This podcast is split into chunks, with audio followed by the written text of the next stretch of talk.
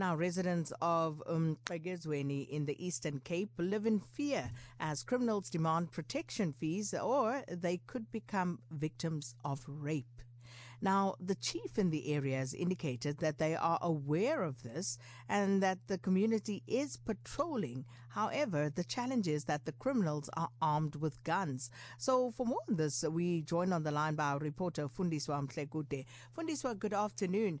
This is, uh, you know, surreal almost uh, listening to what has been revealed. But please talk us through what is currently happening in Mqegezweni village uh, with regard to rape and the threat thereof?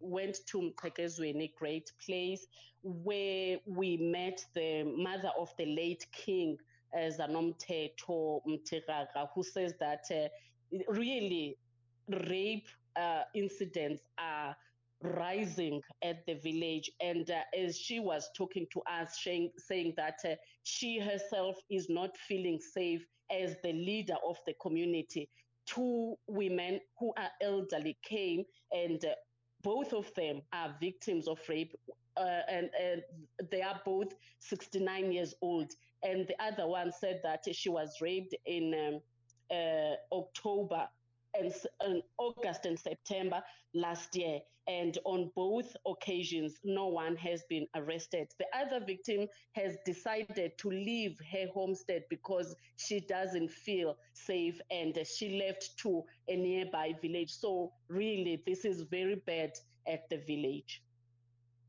Fundiswa, so just to gain an understanding, are the majority of the victims elderly ladies or, you know, what has been reported?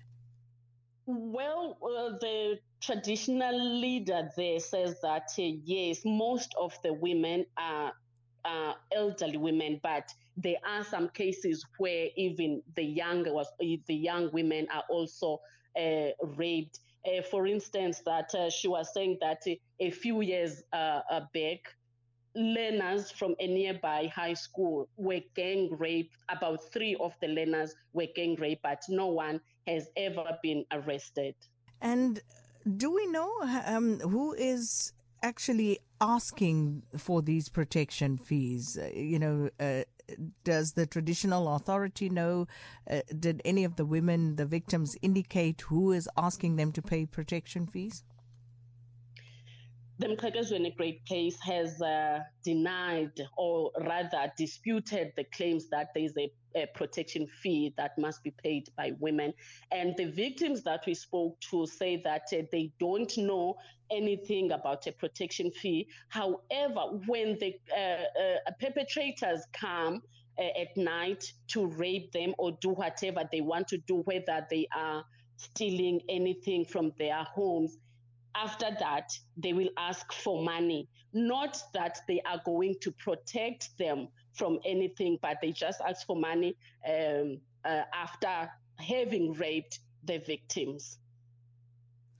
And Fundiswa, as far as uh, the police are concerned, uh, how many of these cases have been reported? Um, let's say over the last maybe year or two, and have they actually followed up on any of these? Has there been any yield in terms of uh, some arrest or anything to move the cases further?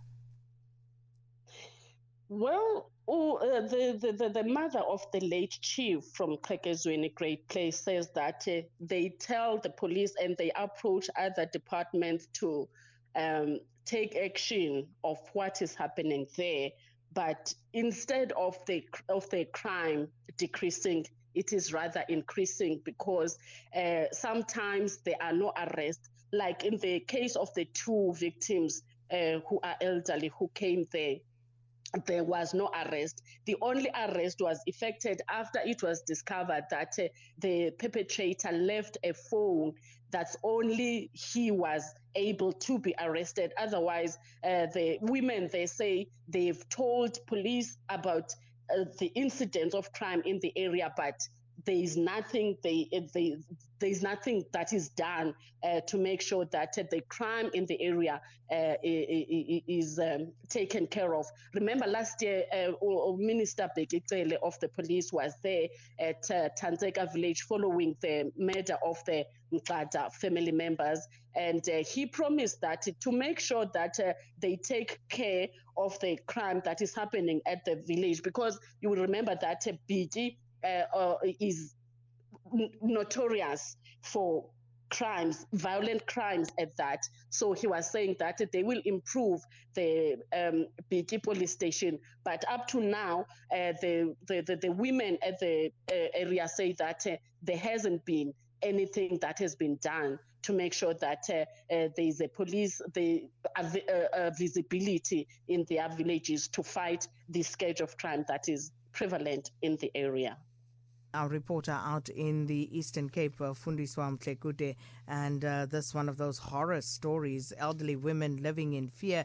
And we've also always known this. Uh, it's not just uh, peculiar to this particular village, uh, but unfortunately, there, you know, when you hear of uh, the perpetrators of these heinous crimes actually asking um, for protection fees, it, it, it really just escalates um, all of this notoriety to a next level.